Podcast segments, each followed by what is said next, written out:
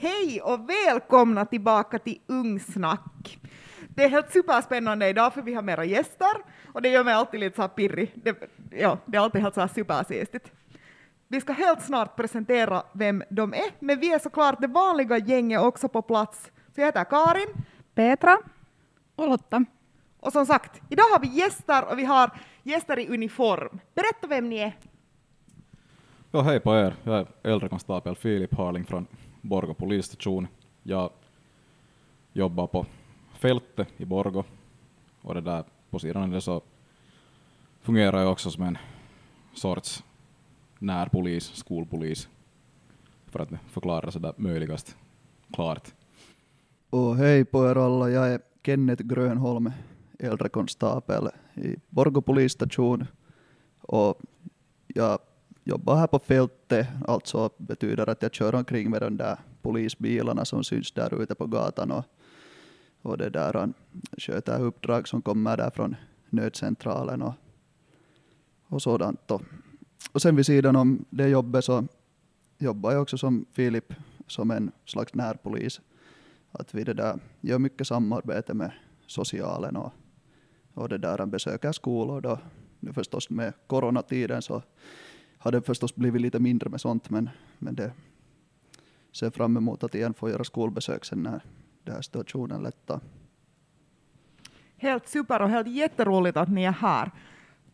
Nu till vappen så ska vi prata rusmedel och ungdomar och rusmedel främst. Och nu blir det ju kanske inte så här superpositivt hela tiden idag, men vi ska ändå försöka hålla det lite lättsamt. Och ni ska få berätta vad det innebär i ert jobb att bemöta och möta och träffa ungdomar och rusmedel och i vilka situationer det händer. Men för att vi ska kunna prata om det här behöver vi väl komma underfund med vad rusmedel är och vad det innebär. Så vad säger det i er arbetsbeskrivning? No, alltså rusmedel betyder ju liksom alkohol, knark, tobak. Liksom det, det är nog det som man kanske mest tänker på när man tänker rusmedel. Att vad det betyder liksom och det där. Ja, det är nu, det är nu de där som liksom som kommer emot på gatan. Kanske vanligast som vi påträffar är just någon så här mellanöl, mellanöl och cider och lonkeron. Så det och sen då mycket förstås använder ungdomar också snus och, och tobak. Och, och, och sen, sen det där påträffas det ju förstås också sen stark sprit, stark sprit och likör. Petra, vi har helt just pratat med lågstadiebarn och årskurs 6 kring rusmedel. Det som poliserna inte nämner här, men det som vi nog nämner åt årskurs 6, vad, vilka ämnen är det? Vilka alla ämnen vi nämner? Vi nämner alkohol, tobak, snus, läkemedel om man använder det på fel sätt. Och sen lyfter vi nog också fram sånt här som man kan sniffa på, lim och, och sånt. Det är väl det som vi nämner med årskurs 6. Ja, det är det. Men eftersom vi pratar om ert jobb idag och vi pratar om vad ni träffar på så blir det väl främst tobak och alkohol antar jag. Hur är det med cannabis och den här slags droger? Syns det?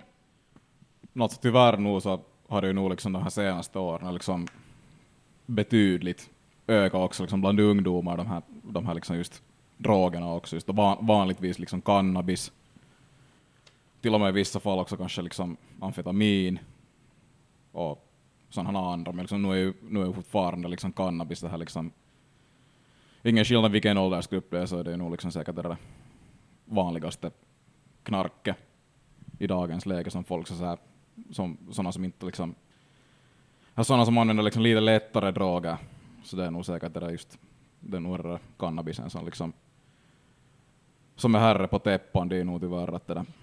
Och sen då läkemedel som ni nämnde där tidigare, så det är nog också sådana som liksom som är någorlunda lätt att få tag på också. Som Jo. också har ökat. Och sen med cannabis till exempel så det märks också, tycker jag, det här är bara min personliga åsikt vad jag har, vad jag har märkt där på fältet, men till exempel mopedister eller nu för tiden får man ju körkort också i vissa fall som 17-åring. Så det här att när vi övervakar att man är nykter när man kör, så mer och mer tycker jag att det blir fast av, av personer som har använt cannabis, cannabis innan de har kört och det kan vara att de har använt det redan några dagar tidigare men det syns ändå på testet och, och det där. Att det, det är en sak som tyvärr har blivit väldigt mycket vanligare att det inte, man kör inte bara under alkoholpåverkan utan allt oftare också under någon drog, drogpåverkan.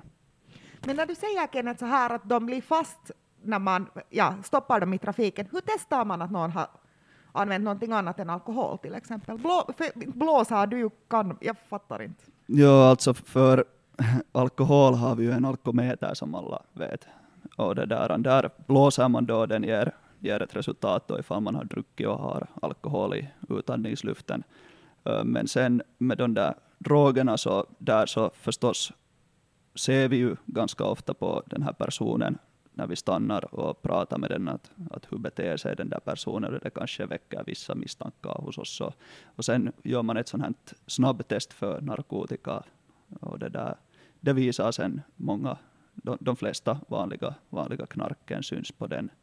Och även om man har, har använt liksom lite tidigare också, så, så syns det syns det och då vad heter det, blir det ju genast en misstanke, misstanke om rattfylleri, äh, rattfylleri plus dessutom om det här straffbart bruk av narkotika som det heter, alltså att man då har använt, använt något slag av droger.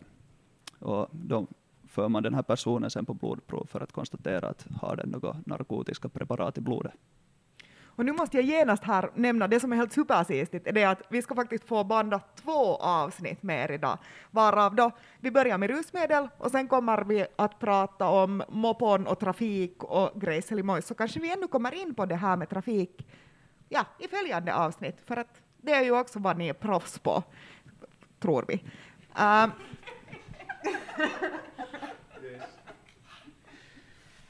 Men förutom då att i trafiken att man stöter på rusmedel, i vilka andra situationer använder sig ungdomar av rusmedel? Eller i vilka situationer stöter ni på ungdomar av rusmedel? Vad säger du Filip?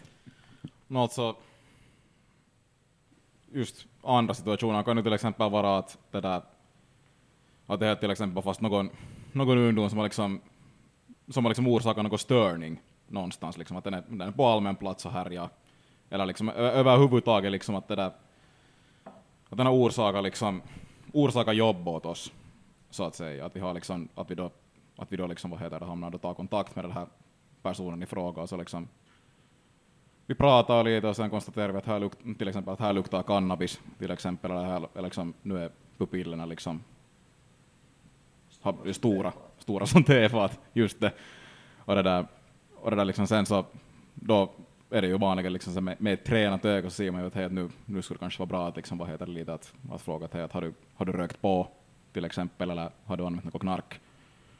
Sen så, vissa medier med samma. Och sen vissa sen och försöker liksom in i det sista liksom att inte bli fast, men sen så slutar det med att att vi vanligen går igenom då, vad heter det, liksom, går igenom fickorna, går igenom eventuella väskor och allt sånt här, och sen så hittar man att här, här, här har vi till exempel, man kan hitta en pipa, eller någon sån här något sån här grinder eller, eller något, liksom, eller något spår av något, vad heter det där, spåra något cannabis i något minigripposa eller andra ämnen. Och så i sådana fall till exempel, eller sen helt enkelt om man, om man nu bara liksom just, det kan, det kan just komma så här liksom lite sådär, ska vi säga på köpet, när vi gör sköter ett uppdrag någonstans, liksom att man, man hockar där mitt i att hej, att här, nu är här frågan knark också. Att på det viset till exempel kommer det emot. Eller sen liksom kommer, kan det komma helt liksom, det kan komma helt liksom anmäl, anmälningar till, till vad heter nödcentralen, liksom att nu, nu står här fem kunder, fem kunder hit på trottoaren och luktar, luktar cannabis. Och sen, och sen då liksom måste vi reagera på det. Och så kommer det fram till sen att, liksom att jaha, här hade vi en liten pusa till exempel. Händer det ofta att ni måste ingripa då ungdomar använder alkohol? Jo, no, alltid när ungdomar använder alkohol som är under 18 år, så det är förstås, då måste polisen ingripa, för det hör till våra arbetsuppgifter. Och när lagen säger att man måste vänta att man är 18 innan man får, får dricka, så då är det på det sättet. Och det som nu kommer först i tanken här när jag tänker på ungdomar och alkohol, nu kanske de här skolavslutningarna, vappen och de här andra högtiderna, så, som det där man rör sig ute och, och ungdomarna är liksom och, och det där kokoontuu, vad det nu sen heter. Alltså, samla sig. Samla sig, ja ursäkta. Samla sig någonstans uh, vid sandgropen där i Pepot eller, eller Borgbacken och de här ställena som nu är populära. Så där, där rör sig ju mycket med alkohol och, och sen har vi ju också ungdomsarbetarna där med sen som övervakar och, och det där. Då blir det, då blir det ju mycket som, som vad heter det, vi häller ut, häller ut alkohol sen och gör barnskyddsanmälningar. Så det är liksom vad ni gör. När ni, man påträffar en ungdom som är full eller som har... Behöver man ens vara full för att ni ska ingripa? Nej, man behöver inte vara full för att vi ska ingripa. Att om man har alkohol med sig i väskan eller i fickorna eller i handen så då ingriper vi ifall man inte har ålder att, att inneha det. Och, och det där.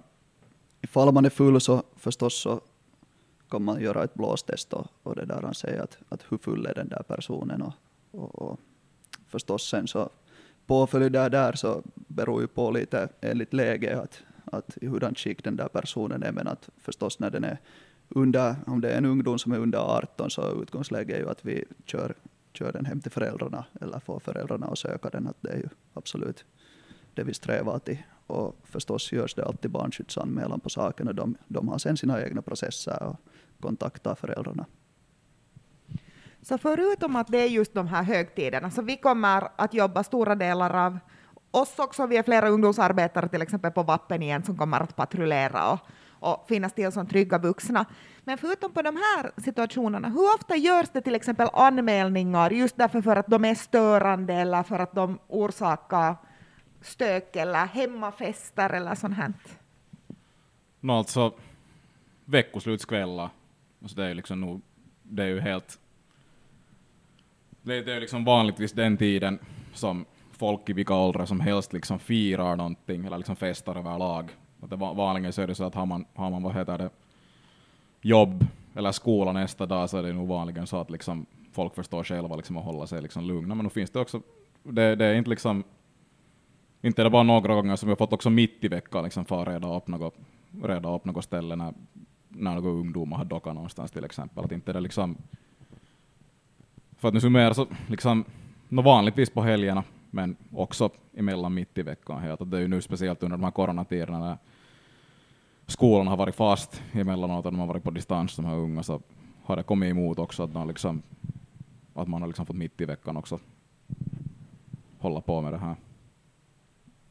Jo, jag skulle ändå hänga på med det där att många gånger är det också så att någon ungdom har, har vad heter det, huset tomt käty, som man kanske säger, och det där, då brukar det lätt hända sen att det, det spårar den där, det där, vad heter det, händelsen att, att det kanske har varit överenskommet med föräldrarna att man får ta någon kompis dit och, och kanske två, två, tre kompisar och sen plötsligt så när ordet börjar sprida sig så har man hela det där tomten full sen med, med det där ungdomar och alla in dit i huset och, och sen kan inte den där ägaren som nu är ensam där i situationen sen med att försöka hålla koll på de där personerna så klarar inte helt enkelt av att, att få, ut, få ut personer dit ifrån och kanske inte ens vill att dit ska komma så många men det kan vara så svårt att säga nej, nej där i det skedet som, som det, vad heter det, står, står ett gäng bakom dörren och knackar på och säger att de vill in.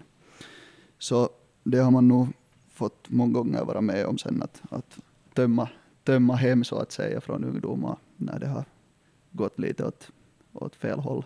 Så vad gör ni då? Vadå tömmer hem? Inte kan man niska per sig åt det eller bara hutta ut dem? Nå vanligen så, i de, alltså, i de flesta fall så brukar de förstå själv att senast och sen när vi säger till på skarpen så då far de. Att det liksom, man, det liksom, man brukar få säga till kanske några gånger i de värsta fallen, men liksom vanligtvis så brukar de för, förstå ganska bra fara. Men att om inte annat så det, det är liksom nu är det klart att sen att liksom en riktigt sista utväg är just det här som du sa, niska per se åt det, om det inte, om det inte liksom, för det, det är liksom när situationen har gått så långt att det har spårat ur, så då måste vi liksom få slut på det på något sätt. Men det, jag skulle våga påstå att det är mycket, ovanligt att polisen skulle behöva använda faktiskt maktmedel för att tömma, tömma vad heter det, tömma husen när det, när vad heter det, när någon familjs tonåring ordnar fest och där spårar ur. Att det, det brukar nog liksom gå ganska liksom sådär. Jo, det brukar nog lugna ner sig redan i det skede som polisbilen rullar in på gården, så de flesta hoppar ut från fönster och, och dörrar och springer hit och dit. Med det där. Springer ni efter i sådana fall? Nå, om nu någon far undan så far den undan, men det där, huvudsaken är ju nu det att, att vad heter det, se till att, att ingen har helt enkelt druckit sig i sånt skick att den inte klarar av och, och liksom ta hand om sig själv. Att det är ju egentligen grundorsaken varför vi, varför vi det här far till, far till hemmafester är ju det att för det första så de där föräldrarna som äger det där huset, så de vill knappast ha ett gäng på 50 ungdomar in dit i huset som söndrar huset möjligtvis, roddar dit.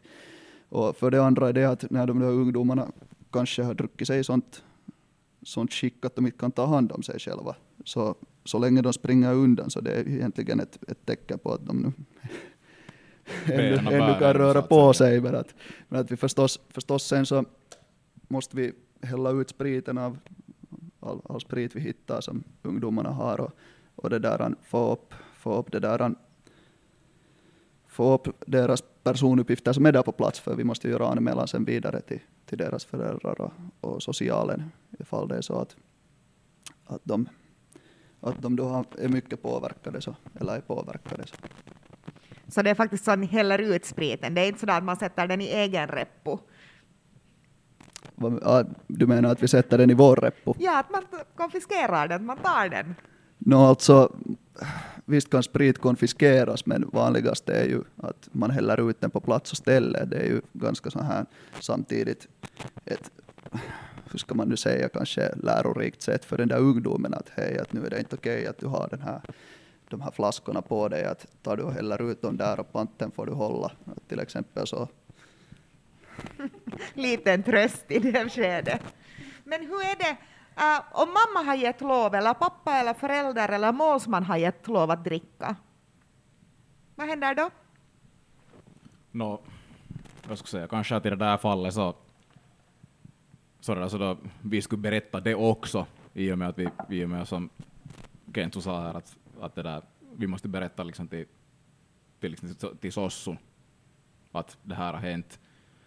Men att det är liksom det, det, är liksom det där fakta kvarstår där ändå just att det är, liksom, det är ingen skillnad liksom fast hur föräldrarna har gett lov. Så du får inte dricka alkohol som underårig. Och det, det är nu sen kanske mer än sådana föräldrarnas och det här barnets liksom sak.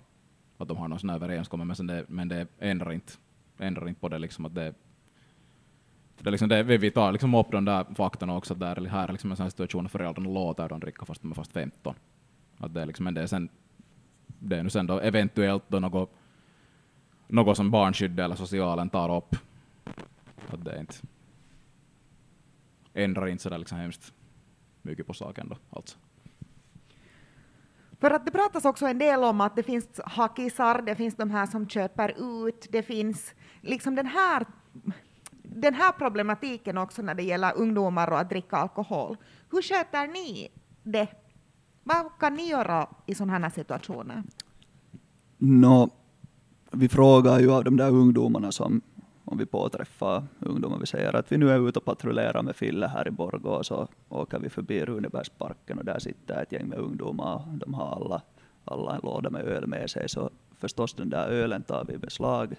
Och det där, så frågar vi dem att varifrån har de fått den här ölen, att, att vem har sökt den åt dem, för de har ju inte själv haft ålder att söka ut den här ölen.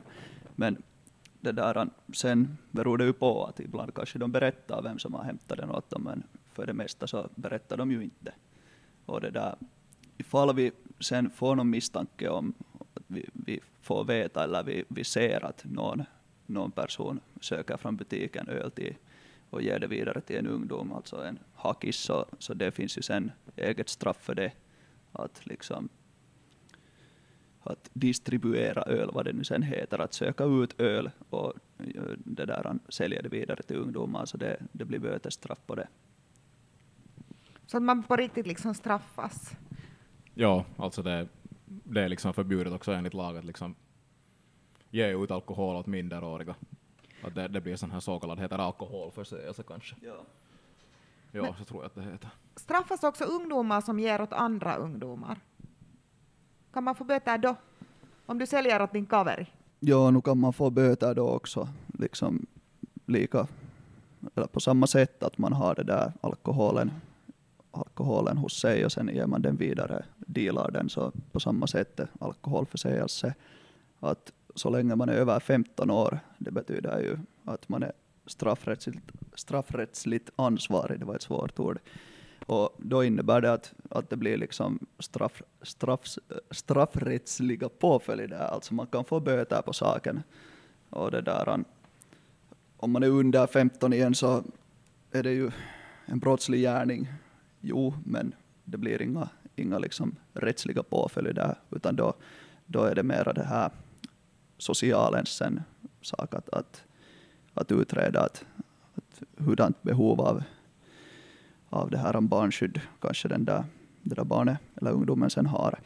Men så fort man har fyllt 15 så kan det bli böter oberoende vad man sen gör, fast man är under 18. För oberoende vad man själv gjorde som tonåring så kommer jag nog ihåg att det fanns de här människorna, de här namnen på de här människorna som köpte ut. Kommer ni ihåg sånt här, Lotta och Petra? Jo, absolut kommer man ihåg. Nu fanns det alltid de där vissa namnena och sen, jag vet inte, jag tycker vi åtminstone kanske höll på med det här juoksukaljat. Att man stula? Mm. Jaha, Det gjorde inte Lotta. faktiskt inte. Nej, men då visste man ju vem. Alltså det fanns ju alltid någon som man kunde gå till, tänker jag. Liksom. Eller man visste vem man kunde få ifrån, men att Så vad kan man göra om du har den här informationen, att du vet vem det är som köper ut eller vem man, vem man kan få, inte bara då sprit men också kanske cannabis, någon som langar. Va, vad ska jag göra med den här informationen? Eller hur för jag den vidare till er som kan göra något åt det? Nå, om du har den informationen så skulle det ju vara önskvärt att du skulle ge den där informationen till polisen. Och om det är en händelse som sker just nu, det vill säga en akut händelse, eller alltså en, en händelse som pågår, att någon just nu håller på att langa, langa knark någonstans, eller, eller det där han söker ut sprit åt ungdomar. Och den där händelsen håller på, så då är det enda rätta att ringa till 112, nödcentralen. Att fast eller liksom, egentligen oberoende vad det är för sak, men, men om det är ett brott som är, liksom håller på att hända, eller, så, så då ska man ringa 112. Men sedan om det, om det är någon info man har som inte kanske är på det sättet akut, men man känner till att den här personen langar, så då kan man ju ge en, ett tips till polisen. Och det finns på polisi.fi, liksom, på nätsidorna finns där till alla polisstationer sen sån här tips, tipsa polisen då e-post, via e-post eller sen kan man ringa till, till det här anmälningsmottagningen eller växeln och berätta, berätta vad heter det, sitt ärende. Och, och där är kanske så många sen är rädda för att om man nu berättar vidare så kan man själv hamna sen illa ut om, om det kommer fram att man har, man har berättat det här till polisen. Så då, de där tipsen kan man ju absolut göra anonymt också. Det, det går bra. Och då finns inte där liksom någon fara, att, fara heller att någon skulle få veta sen vem som har sagt vad. Ja, och sen här är ju också liksom nu, i och med att vi nu för tiden finns igen här i Borg, liksom, vi som är liksom lite sådana närpoliser, så om man liksom stöter på oss på gatan till exempel, eller om vi råkar vara just i något, något sån här ungdomsgård eller skola eller något sånt här att vinna, så det där kan man helt också bara liksom berätta det rakt till oss, liksom det, man kan nog det där, så kan vi liksom föra det själva vidare också, att det liksom, att det finns, att vår firma liksom vet om det, att vi har liksom våra system för att liksom, vad heter det, upprätthålla sådana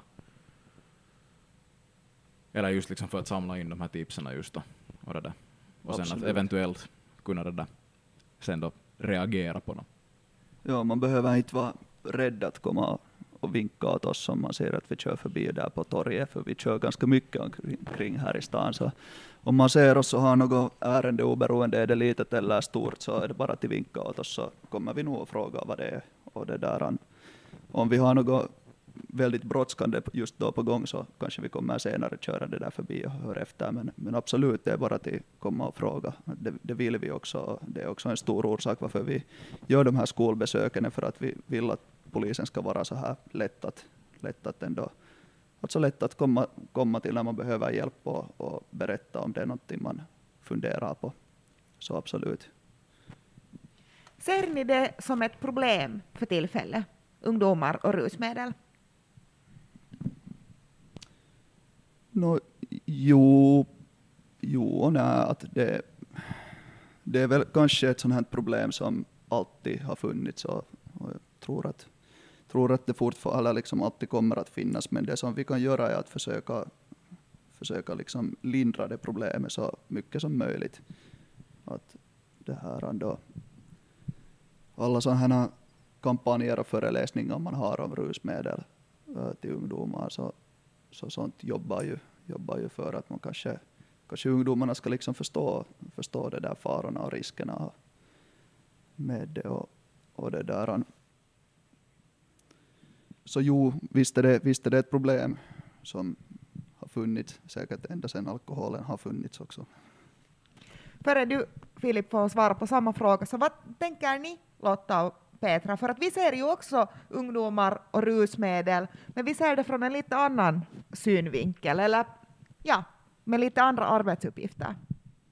No, det syns det ju nästan alltid. Kanske det beror lite också på årstiden. Jag menar, det har varit vinter och nu är våren på kommande, så nu ska jag säga att det högst antagligen börjar synas mera igen. Nu, de kanske börjar röra sig lite mera utomhus också, så det där. Ja, och som sagt så vappen är ju på kommande, så säkert senast där då. Vad tänker du Lotta? Ja, alltså nu syns det. Och liksom på något sätt tycker jag under coronatiden så har det också kommit fram det där att de festar mitt under skolveckan också. Och att det har synts till emellanåt i, i stadsbilden att de, att de festar och sånt. Men att kanske det ändå har varit mest veckoslut och, och så här mycket mer kommer det nog frågor om cannabis och hur skadar det och vad är skillnaden på cannabis och alkohol och är cannabis bättre för kroppen än alkoholen och sånt här. Att mycket sådana diskussioner tycker jag att man ska måste föra hela tiden också. Så vad säger du Filip? Vad är situationen nu? Ja, det där, jag håller nog liksom med med Kentsu om det just att det är liksom ett sånt evighetsproblem. Det, det har säkert liksom, så länge som rusmedel finns så kommer det här problemet säkert liksom alltid att finnas, liksom, att människor vill få huvudsäckasin på något sätt. Men att jag, min personliga åsikt kanske det är mer att det där, den här utvecklingen de här senaste tio åren, jag jämför själv när jag var liksom hö, högis och gymnasiet, att, det där, att liksom vad för rusmedel folk använder då och hur det liksom och hurdana rusmedel folk använder nu. Så det har liksom just på en ganska kort tid, tycker jag, jag har inte någon statistik på det här, men det där, tycker att det här liksom just det här knarket och liksom de här felanvända medicinerna liksom har börjat liksom helt drastiskt synas liksom mera, att folk använder. Att det just, eller sen, och sen överhuvudtaget den här attityden till till exempel cannabis har blivit liksom just, har blivit liksom hurja mycket det här liksom positivare liksom bland unga. Det är liksom det, det, är liksom det många unga liksom tycker liksom att cannabis det är inte liksom en så paha juttu. Eller, eller liksom just att det, att det är sådär att, att de ser inte liksom, vad heter det, så sådär vet du, som något livsfarligt eller något sånt här. Men nu är det ju ändå så att cannabis fortfarande är olagligt i Finland. Jo, cannabis är ett narkotiskt preparat även alltså i Finland fortfarande. Och, och det där, det, och i många andra länder i världen ska vi väl ändå tillägga ja. att fast det har legaliserats på en del ställen så inte överhuvudtaget överallt. Nej, nej. och det där, det som är med, med cannabis, uh, som jag själv har märkt, som Filip sa, är just det här attityden till det att att många ungdomar, eller de flesta ungdomar är ju ändå emot droger och det där han accepterar inte sånt. Men sen finns det en väldigt stor del som ändå på något sätt accepterar den där cannabisen och, och tycker att det är inte liksom, det är inte en drog som, som det där. Och det är väldigt oroväckande för, för det där. Det är fortfarande dels i lagstiftningen är det en drog och sen alla påföljder med det. Att, att till exempel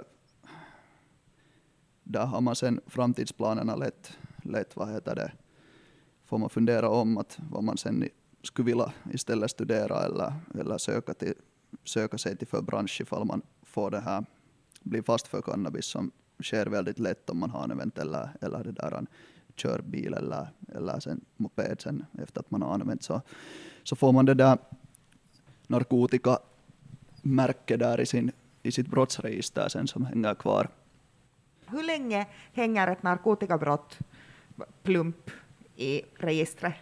Nu, nu frågar du svårt, men alltså det narkotika, straffbart bruk av narkotika, alltså då när det, uh, man har haft ändå en så liten mängd på sig att det, det blir en böteslapp, så då pratar man om straffbart bruk. Medan sen narkotikabrott, ifall man säljer vidare eller, eller skaffar in i landet eller till exempel odlar cannabis, så då pratar man genast om narkotikabrott. Och det där, sen finns det också grov form av narkotikabrott förstås.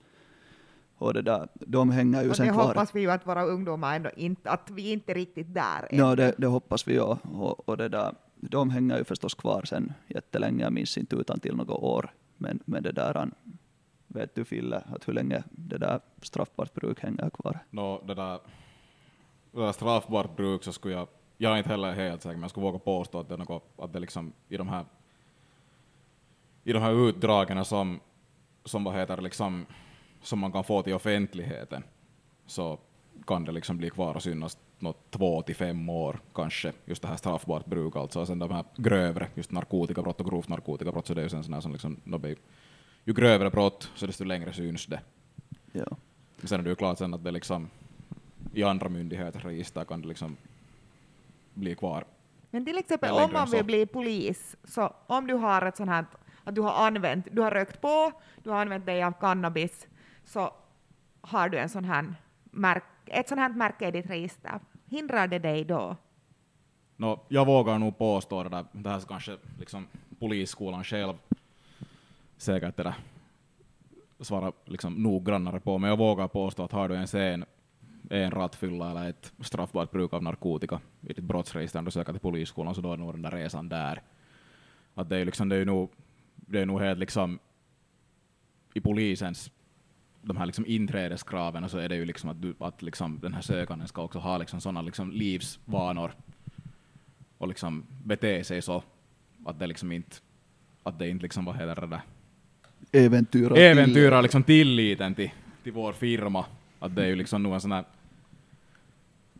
I dagens läge ses det där liksom, liksom- det där liksom det där rusmedelsanvändare, liksom, speciellt eller knarkanvändare, ses nog liksom så pass, som en så pass liksom så pass liksom paha juttu, att det liksom det, det slutar nog liksom senast där. Överhuvudtaget om man är liksom om man är dömd för något värre brott än en fortkörning så kan det nog liksom vara att man får förklara lite.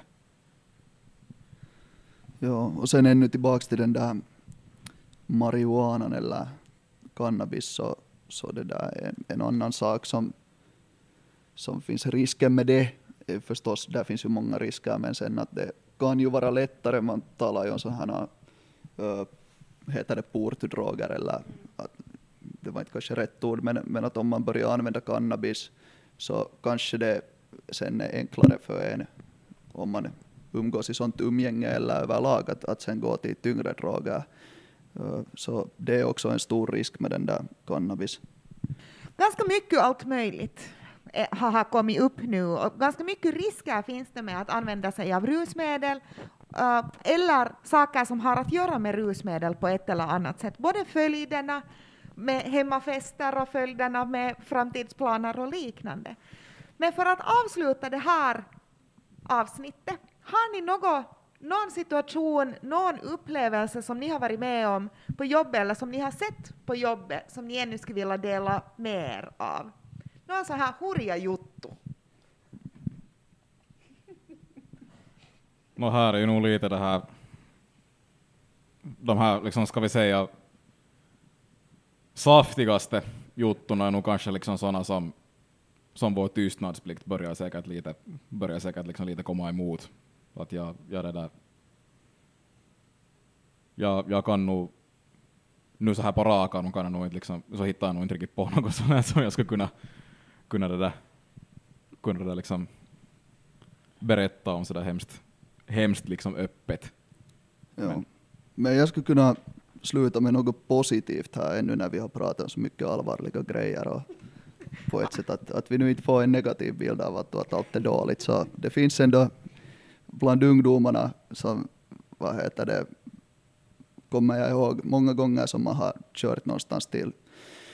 Man har sett att här är ett gäng med ungdomar vid till exempel någon skola eller någonting så far man med bilen dit så många gånger så har man blivit bemött på väldigt, väldigt liksom positivt sätt och de är glada över att vi kommer dit och vill prata med oss och så här och det, det är liksom, det är bra. Och sen, sen det att, att det där att när man ser polisen så spring nu inte undan.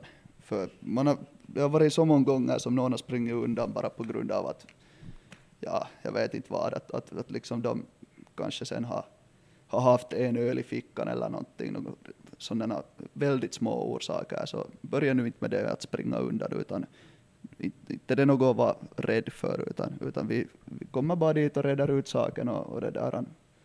Oftast så är det ju bara liksom det att den där ölen blir man av med och, och det kommer en anmälan till, till socialen och, och det där. Men spring nu inte undan så.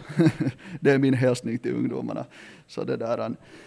Uh, och en annan grej då är, är, är faktiskt det att, att det är positivt, positivt det att ni, att ni det där eh, vill bli, vill bli och prata med oss och byta liksom, byta liksom kuulumiset där på platsen så det är kiva. Det var fint sagt. Men det där, ja, jag håller fullständigt med och det där. Och så just liksom lite spinna vidare på det här positiva ännu. Så emellan så de här juttorna som liksom som får en själv och liksom känna sig ganska nöjd med sitt jobb är nog det där liksom, speciellt med ungdomar. Om man har lyckats liksom ingripa i något skede när det har börjat gå lite hårt för någon och sen så kan de komma några månader senare och säga att hej, det var bra att ni var här, tog kopi på mig idag, att det, var liksom, det har gått mycket bättre sen dess. Det, det är liksom alltid sådant som man nog som polis blir liksom så genuint glad för. Att det är nog. Så att när jag vill höra skräckhistorier så ger polisen er bra feedback, bästa lyssnare och bästa ungdomar. Det är ganska sistigt och det visar ju och det understryker ju det här att polisen är vår vän. Och därför vill jag tacka er för att ni kom idag. Har Lotta och Petra ännu någonting som ni vill tillägga? För ni har fått vara ganska tysta idag. Ni har fått lyssna och njuta av att inte behöva prata alla gånger. Ja, vad ska vi? Kanske vi önskar bara en trevlig valborg och, och bete er. Ja, en glad vappen. Så, vi hörs igen nästa vecka. Tack Filip och Kenneth för att ni kom, våra äldre konstaplar. Och så hörs vi igen. Hej då! Hej då!